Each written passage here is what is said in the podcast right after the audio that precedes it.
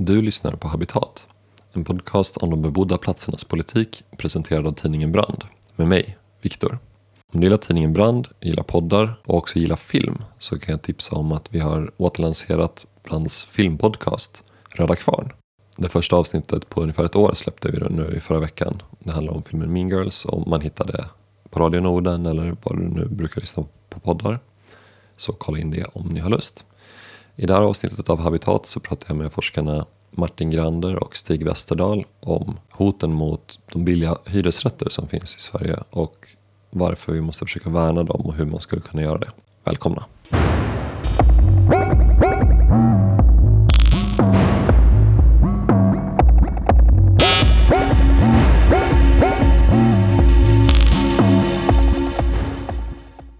Okej, välkomna till Habitat, Martin Grander och Stig Westerdahl.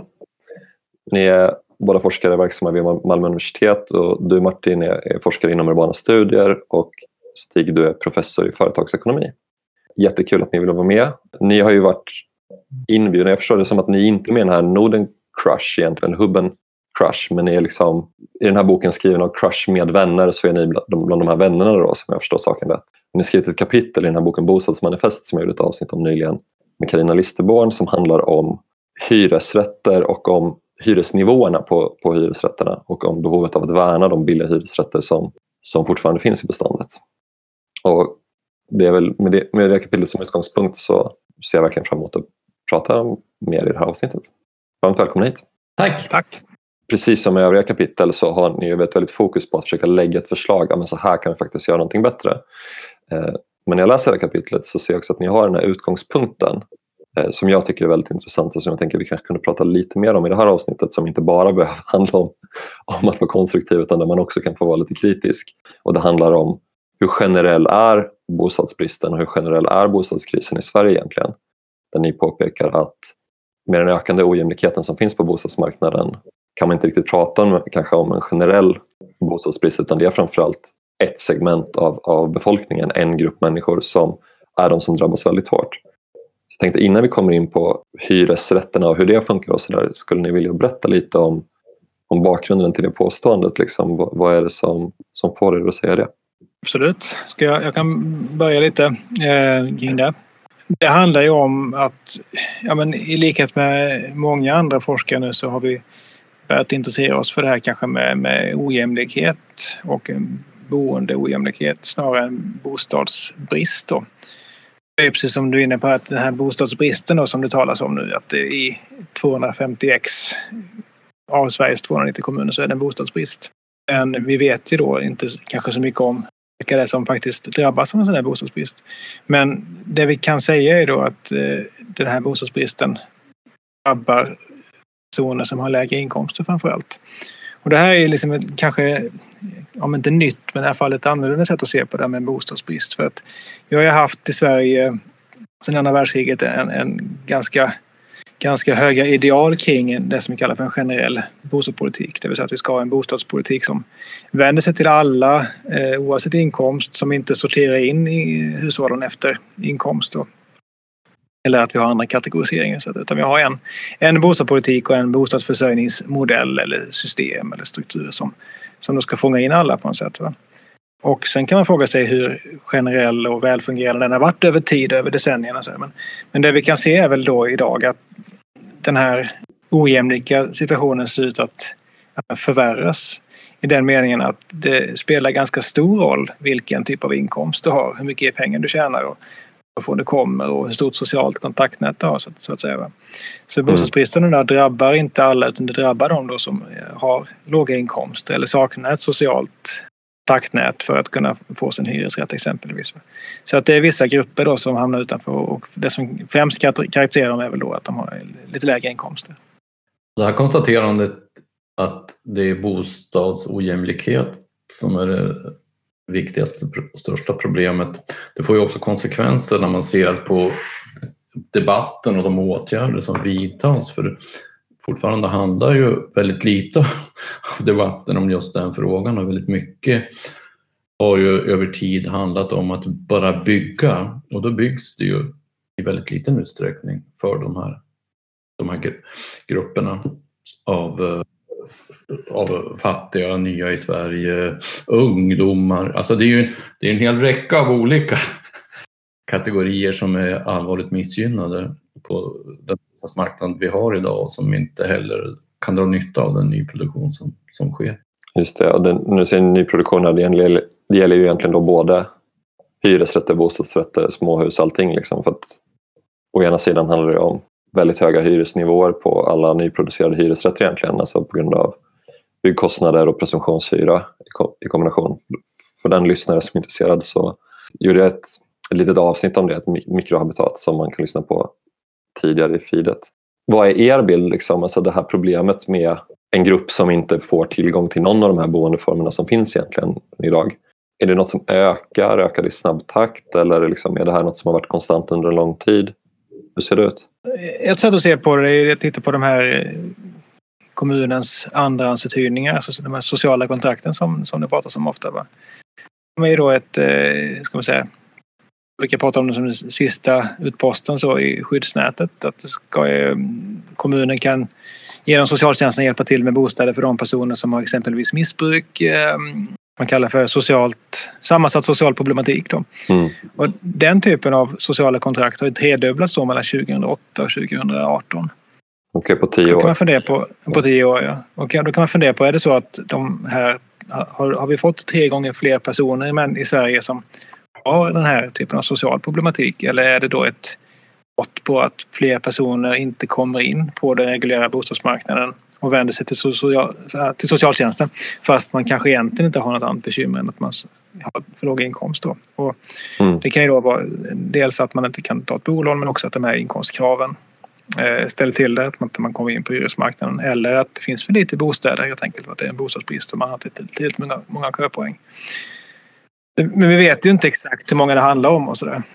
Det är en ganska intressant siffra, en tredubbling på tio år. Det talar ju verkligen för, för ett sådant problem. Det här är ju för er liksom en, en avstampspunkt egentligen i det här kapitlet. Det här är ju liksom inte det kapitlet handlar om utan det är mer utgångspunkten. Den andra utgångspunkten som, som ni har lite för det här problemet, eh, eller för, som får er att lägga till det här förslaget om att försöka på olika sätt värna de hyresrätter som finns som har mer överkomliga prisnivåer. Det är eh, att ni beskriver att det här med flyttkedjor, det är någonting som det ofta hänvisas till när man bygger mer dyra bostadsformer. Att de kommer i slutändan också eh, den här svagare gruppen till del. Men, men ni säger i alla fall i det här kapitlet att det här är en myt egentligen, det är inte så det funkar.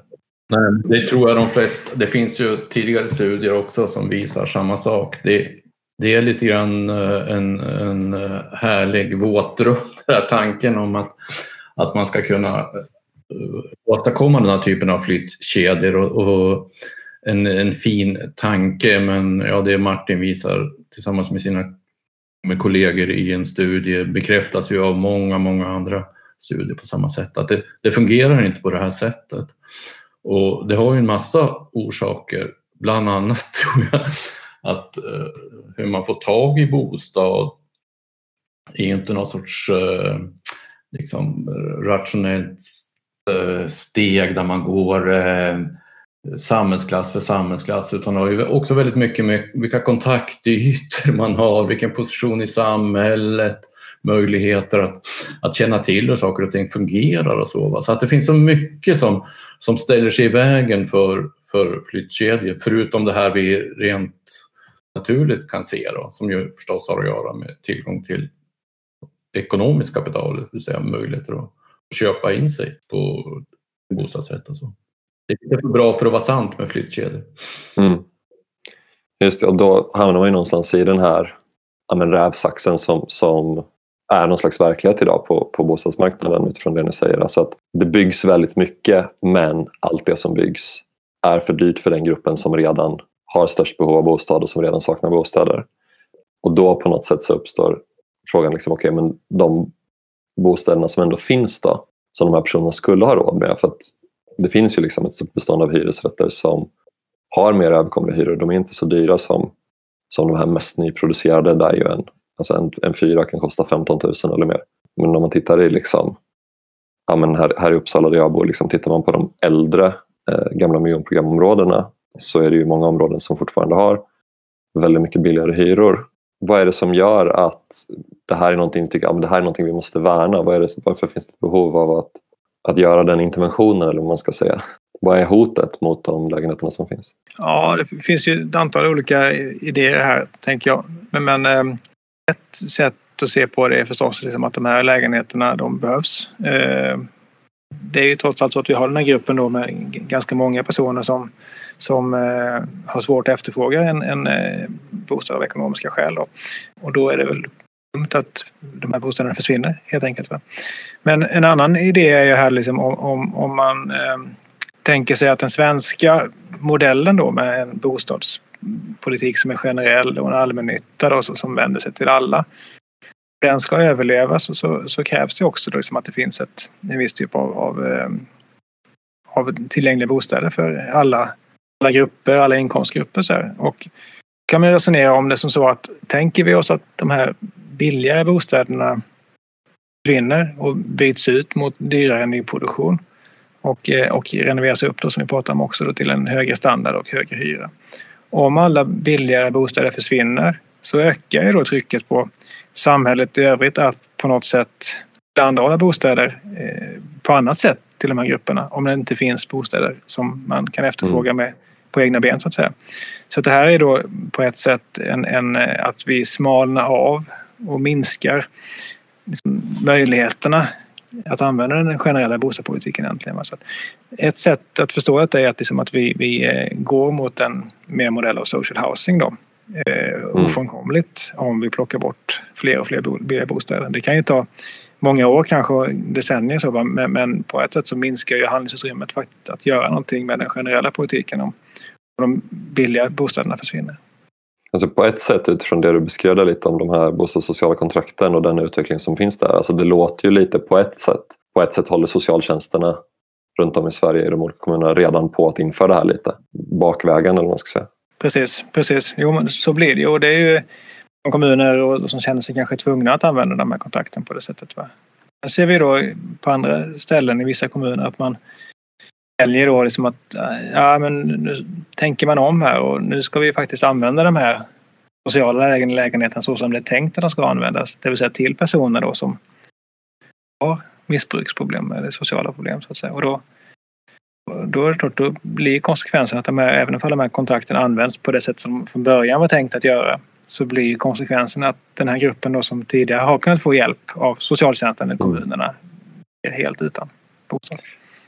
Ja, det är också en lösning. Alltså det förtjänar ju sitt eget avsnitt egentligen. Liksom. Alltså frågan om alltså väldigt utsatta gruppers eh, bostäder och sådär. Men att själva idén med ett bostadssocialt kontrakt är ju just att det ska vara inte ett permanent funktionshinder som gör att man behöver få bostadsförsörjning utan då, då ska man få det via lagen om särskilt stöd för personer med funktionshinder, alltså LSS. Utan det är ju liksom just ett socialt problem precis som du sa innan. Så det, de, det är socialtjänstlagen och alla de här insatserna är väldigt hårt tidsbegränsade.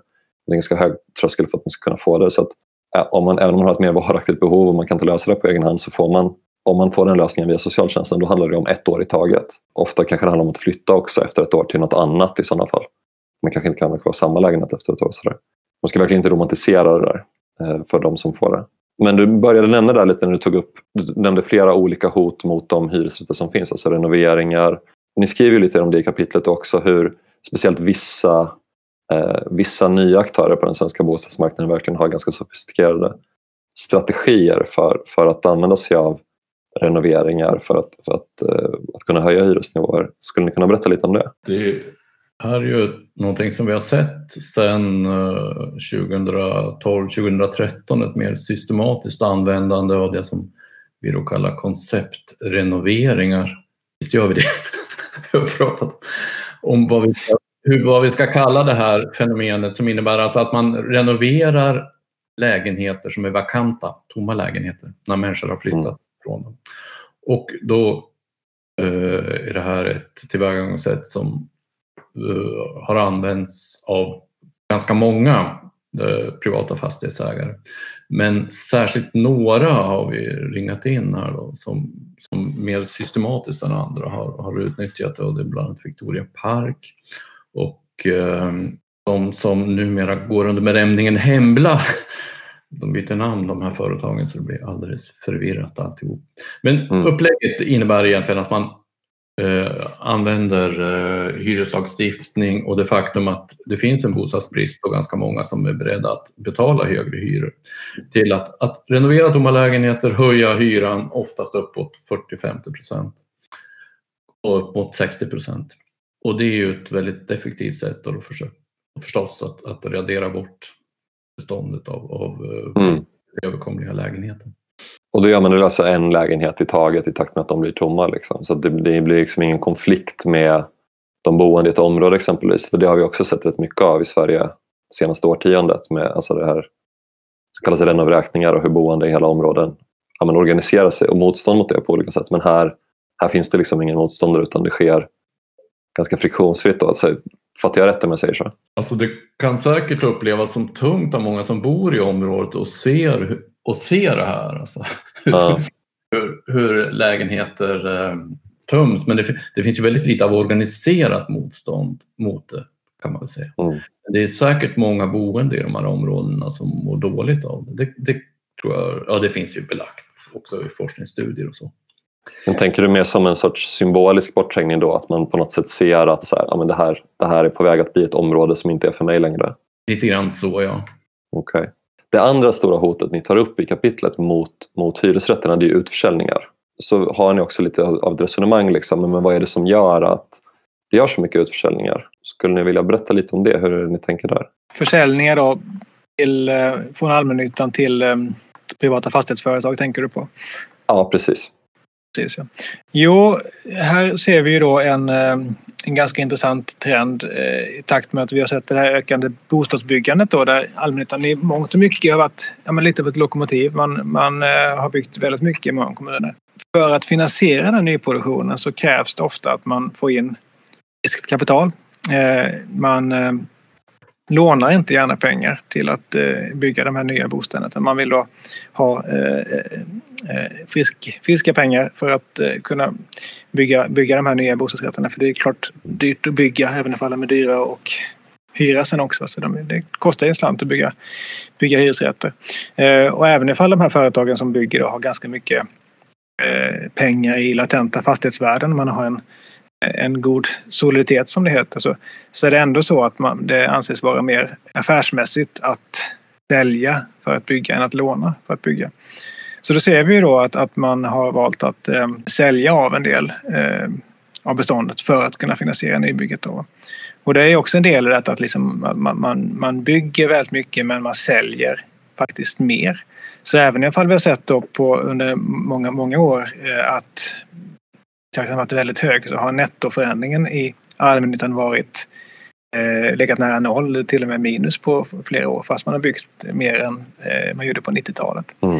Så det här är då liksom nettoförändringen som är intressant i detta och till det kommer då att de här, det, här, det som tillkommer är det dyra och det som försvinner är det billiga. Okej, okay, så att det blir fler bostäder totalt i kommunen men mängden liksom bostäder i allmännyttan minskar? precis så. Det är det som är det motiverande argumentet då för att göra på det viset. Att ja, men vi ökar ändå mängden totala bostäder och det är det vi måste fokusera på. Är det så man liksom resonerar från kommunernas sida? Ofta är det så. Ja. Det finns en politisk press mm. på allmännyttan att bygga, bygga nytt. Mm. Och hur kommer det sig, alltså du sa att det är mer affärsmässigt att finansiera det på det här sättet. Liksom. Men då tänker man att det, skulle man vara en privat ägare av det här bostadsbeståndet då kan man ju plocka ut vinsten från den försäljningen också. Alltså att det finns en sån koppling tänker jag, att man vill sälja av egendom som man har utvecklat eh, och, göra göra sin vinst på det som man kan lyfta ut om man går med vinst. Men det på något sätt kan ju verka mindre meningsfullt om man är ett allmännyttigt bolag. Men hur, liksom, hur tänker man där? Ja. Hur, hur tänker man? Alltså det är ju en, en historisk uh, utveckling som allmännyttan har gått igenom det här och det går ju att dra den ganska långt tillbaka men om man ser det från 2011 med den nya lagstiftningen så, så fastställdes det ju då att de här kommunala bostadsbolagen skulle vara drivna utifrån affärsmässiga principer och det här har ju tolkats väldigt, väldigt olika. Men majoriteten av bolagen har väl ändå uppfattat det då dels som att de ska gå med vinst och ibland har de gått med ganska mycket vinst. Alltså bostadsverksamhet är ju ganska lönsamt i de här dagarna. Riskerar inga vakanser. Liksom. Och, och, det har gjort att bolagen har eh, ofta kunnat förse kommunerna, sina ägare, med ganska stora vinster. Så det är ju en del. Man säljer ut allmännytta för att täcka underskott i kommunen egentligen? Ja, det, det har ju inte primärt att göra med utförsäljningen utan det är själva driften. Alltså det, okay. att ekonomer kallar driftnetto liksom överskottet. Det har levererats tillbaka till, till kommuner och, och oftast utöver det som den här lagen faktiskt eh, stadgar. Då. Eh, utförsäljningarna det har mer att göra med, med någonting annat. Om man säger så här, då, det är alltså inte själva utförsäljningarna som, som lyfter in det där i, i kassan men det blir mer som en slags extra skatt på hyresgästerna. Kan man säga mer så? Lite tillspetsat kan man, kan man se det så. Utförsäljningarna fyller en annan funktion i det här sammanhanget och det är att få fram kapital för att bygga nytt. Så man ser inte, ni ser inte liksom att, man, att man säljer ut och sen lyfter vinsten från det in i, bara in i kommunen så? Utan det är något man gör just för att bygga? Ja, jag, jag skulle säga att det har att göra med kraven på nyproduktion som har ålagt allmännyttan utifrån den här bostadskrisen som vi började att prata om. Okej. Okay. Säljer man av det man har byggt för att kunna bygga ännu mer eller är det just de här gamla billiga man säljer? Och hur, kommer sig, hur väljer man där? Liksom? Det är ju vad vi kan se mest eh, de äldre billiga bostäderna som byggdes framförallt under miljonprogrammet. Och det är flera anledningar att man säljer dem. Eh, tänker vi dels är det ju en, eh, en resurs i den meningen att det finns ett intresse från många intressenter att köpa de här. Dels, ja, men delvis då på grund av att det finns ett underhålls... Det finns en underhållsskuld till detta. Man behöver renovera de här. Då har man den här potentialen att göra de här hyreshöjningarna om man gör den här typen av konceptrenoveringar då, som Stig berättade om. Så att eh, här finns ju ett, ett, stort intresse och det blir ofta budstrider på de här miljonprogramsområdena. Okej, okay, men mer liksom nyproducerade, alltså saker som har byggts de senaste 10-15 åren, det säljer man sällan ut eller säljer man det någonsin? I väldigt liten utsträckning skulle jag säga. Jag, jag har inte tänkt på det. Alltså det, det är ju inte tilltänkta köparna har ju inte alls samma intresse av det därför att det är ju eh, innehav, bestånd som de redan har. Ja. Skulle man lite hårdraget kunna säga. Det här är ju ganska, det är ju en unika tillgång. Eh, förortsområden byggda under miljonprogrammet. Och som också in, har sådana som potential för de här stora riskkapitalbolagen och fastighetsbolagen eftersom det går att höja hyror och öka värdena. Jag tänker alltså att om man tänker miljonprogramområden med, alltså det är ju, alltså man tänker ju på ja, sådana områden som klassas som särskilt utsatta av, av nationella operativa avdelningen på polisen. Och det är liksom höghusområden, eh, ofta en bit utanför städerna så, som är liksom, det är varken ett särskilt bra läge eller särskilt god standard eller liksom, och så ofta en väldigt fattig befolkning. Men om man tänker miljonprogramområden egentligen så är det ju så att många av dem ligger ju egentligen i ganska attraktiva lägen nu sedan städerna har vuxit. Och speciellt det som byggdes tidigare under miljonprogrammet, alltså mer tidigt på 60-talet. Det är ju ofta lite lägre byggnader eh, som upplevs som väldigt, ganska attraktiva av ganska många. Så det är ju, det är ju det är lägenheter man kanske inte har jättesvårt att få uthyrda till, till ett bra pris. Nej men precis, alltså, det finns ju ingen risk för vakanser där. Men det finns också en finansiell logik i det här som gör dem extra intressanta för eh, kapitalstarka aktörer eftersom de ju är eh, värderade på ett sätt som gör att det finns en enorm potential att höja värdena i områdena och det är ju det man ser i årsredovisningarna då för företag som Victoria Park och det Blackstone-ägda Hembla och innan Hembla det Carnegie. Så att genom att, att köpa, renovera så har man extremt snabbt kunnat höja fastighetsvärdena. Okej, okay, så det handlar liksom inte bara om, det handlar inte om vinsten i första hand utan mer om liksom att, att höja värderingen på det egna beståndet för att på så sätt kunna göra nästa finansiella operation eller man säger. Exakt så mm.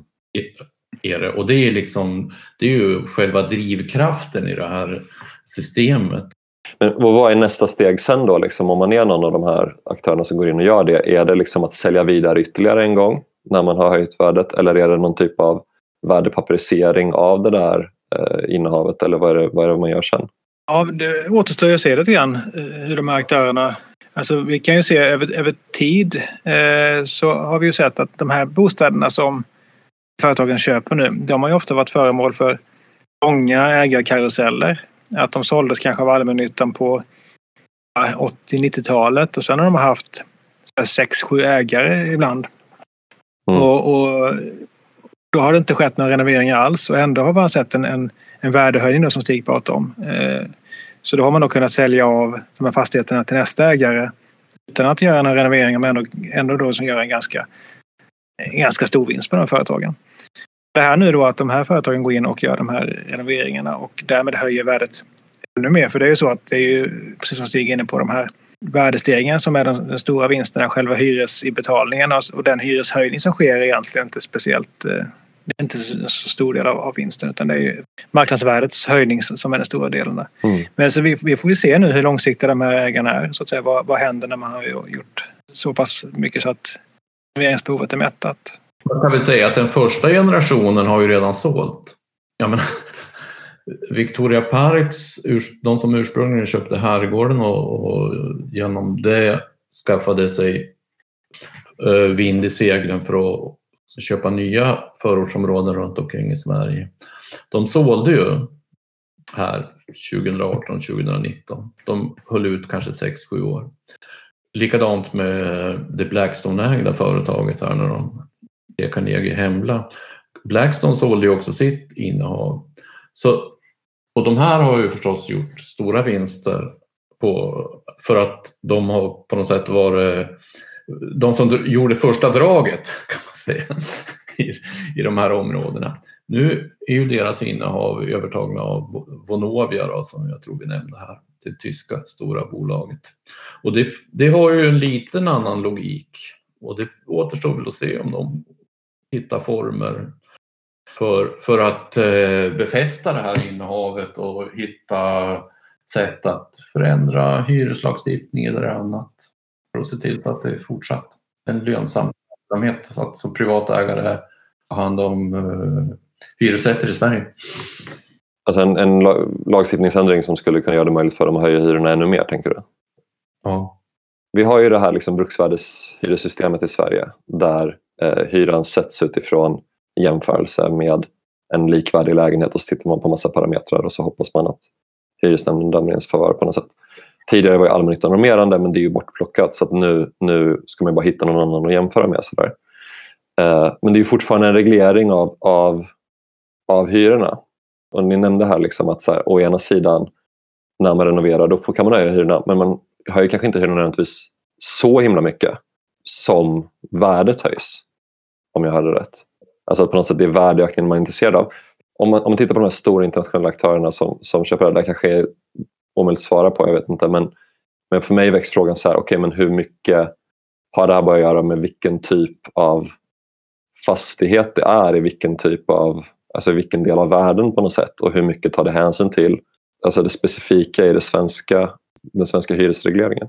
Kan ju se det som hel, hela den här eh, konceptrenoveringsstrategin, den bygger ju på det svenska hyressättningssystemet. Mm. Att man, man eh, slår mynt på det så att säga. Liksom, att vi har någon form av, av eh, i hyran eller, eller en bruksvärdeshyra eh, som gör att inte den kan höjas hur mycket som helst eh, eller efter efterfrågan så att säga.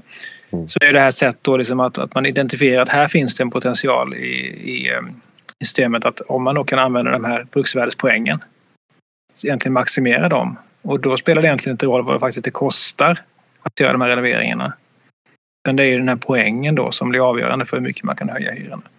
Mm. Och där blev den svenska marknaden kanske extra intressant just med tanke på att vi har det här bruksvärdessystemet och det här poängsystemet då som är, som är unikt med den svenska modellen. Det är väl så att eh, de aktörerna har identifierat den svenska modellen som extra intressant.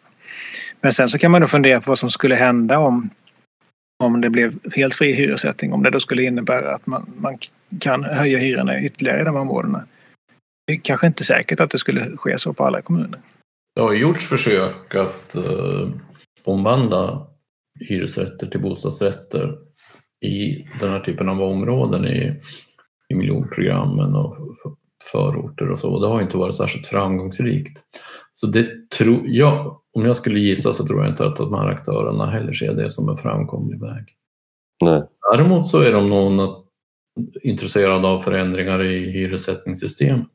Det, det, är ju väldigt mycket politiska initiativ som man också i dessa dagar kring just hyressättningen.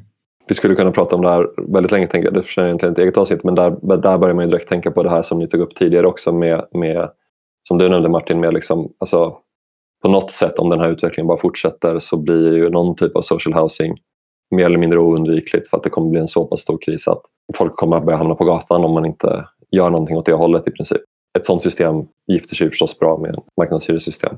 Men jag vill också, innan vi slutar, komma in på själva huvudpoängen med, eh, med ert kapitel. Då, liksom alltså behovet av att inför den här utvecklingen som jag pratat om nu eh, faktiskt värna de, de eh, hyresrätterna som har låga hyresnivåer. Då. Så att å ena sidan titta på det här, alltså bara låta bli att göra de här sakerna ni har beskrivit då, alltså från allmännyttans sida. Men ni pratar också om liksom andra saker man, man skulle kunna göra för att liksom, alltså ha dem som någon slags hävstång mot den här utvecklingen mot marknadshyra och social housing. Skulle ni vilja berätta lite om det också?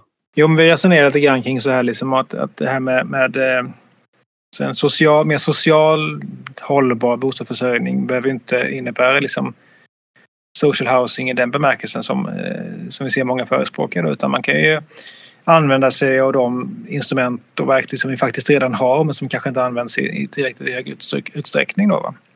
Och då resonerar vi, resonerar vi lite grann kring så här med eh, förturer exempelvis. Vi ehm, har ju ett system för förturer, kommunala förturer idag. Men eh, det används eh, ja, i olika utsträckning i olika kommuner. Och det är samma sak med bostadsbidraget exempelvis, hur det används. Eller det används som det gör förstås, men, om, om det kan reformeras ytterligare då för att stärka grupper med låga inkomster. Så.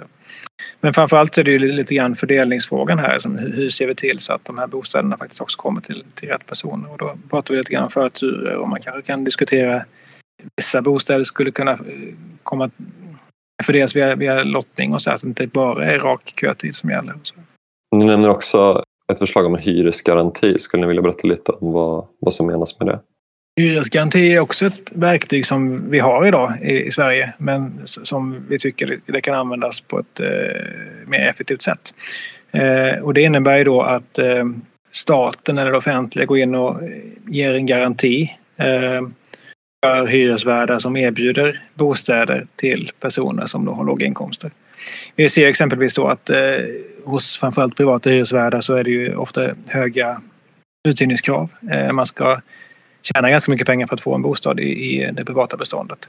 Och en hyresgaranti kan funka som så att, att man, eh, man från offentligt håll betalar ut en, en, eh, ja, man blir en borgenär egentligen som någon form av garanti för att om, man, om den här personen då inte skulle klara av det här hyran då går det offentliga in på något sätt.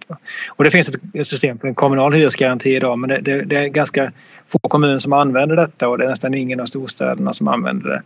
Och eh, då har ju både eh, Boverket och andra pekat på att det skulle vara bättre och mer effektivt om det här skedde då och sköttes på statlig eh, nivå. Jag tänker vi har täckt in mycket, de flesta områdena av det som står i kapitlet och vi har pratat om en hel del andra saker också. Jag tycker det har varit väldigt spännande samtal hittills. Men jag undrar, om, man tar, om vi går tillbaka till den här huvudfrågan då, liksom, om, om vikten av att bevara de befintliga hyresrätter med överkomliga hyror som verkligen finns idag och som ändå inte är så få. Eh, vad tänker ni liksom verkligen skulle behövas för att det här förslaget skulle, skulle bli verklighet och liksom vilka, är, vilka är de stora utmaningarna som kommuner eller, liksom, eller staten skulle stå inför för att liksom kun, kunna genomföra det? En central del tycker jag är att se de kommunala bolagen som politiska verktyg och inte som affärsmässiga eh, funktioner inom kommuner. Att det, det, finns en potential, en möjlighet att använda eh, allmännyttan på ett mycket mer eh, aktivt sätt för att värna sitt bestånd, för att utveckla ett bestånd som gynnar de inkomstsvaga i, i, i kommunerna. Och det handlar också om att överhuvudtaget hålla hyresrätten attraktiv i en situation där så stor del av bostadsdiskussionen istället handlar om hur man ska få ännu större delar av befolkningen att ta lån och köpa bostadsrätter. Så att, att på den kommunala nivån så finns det väldigt mycket att göra tror jag. Men det finns också, och, och en del i det tror jag också faktiskt handlar om att eh, se till så att de här bolagen tar upp lån och att de satsar på ett, på ett helt annat sätt för att eh, säkerställa en produktion och återigen då för de grupper som har det tuffast på dagens bostadsmarknad. Precis. Jag tror att alltså den här diskussionen behöver föras för jag tror att det här med att man, man eh, säljer för att bygga nytt. Jag tror inte att man, man liksom kanske inser konsekvenserna av det på, på politisk nivå. Eh, alltid liksom att vad, vad får det för konsekvenser i långa loppet? När man bara tänker att vi måste bygga nytt. Så jag tror att, eh, liksom att bara kunna visa på, på vad som händer här tror jag är viktigt. Men också lite grann som Stig är inne på här, liksom att det går ju faktiskt att bygga bostäder och, och, och vara en utvecklare eh, även med lånade pengar. Mm. Ja, men liksom vad som är affärsmässigt och inte affärsmässigt det kan man ju alltid diskutera. Det är ju egentligen föremål för förhandling. För förhandling så, så det tror jag också den diskussionen och den kunskapen behöver liksom utvecklas på något sätt. Mm. Ja, men verkligen, verkligen ett, ett uh, intressant samtal hörni och uh, jag tänker att det här Eh, Eh, är ju ett av, av 22 krav som förs fram i den här boken Bostadsmanifest. Om man lyssnar på det här avsnittet och inte har lyssnat på samtalet med Karina Listerborn som är en av redaktörerna som, jag, eh, som man hittar i avsnittshistoriken för Habitat eh, så rekommenderar jag att verkligen göra det. Jag rekommenderar verkligen också att läsa både det här kapitlet och även de övriga kapitlen. Jag tänker att det här är en bok som är toppen om den sprids och diskuteras för att det här är jag tycker att den verkligen känns välbehövlig i den situation som råder i Sverige idag eh, vad gäller bostadspolitiken. Så tack för att ni eh, bidragit till den här boken vill jag säga. tack för att ni tog er tid att vara med här i poddavsnittet också. Hoppas att ni får genomslag för det här också för jag tänker att det här är någonting viktigt ni verkligen får fram. Tack ska du ha. Tusen tack.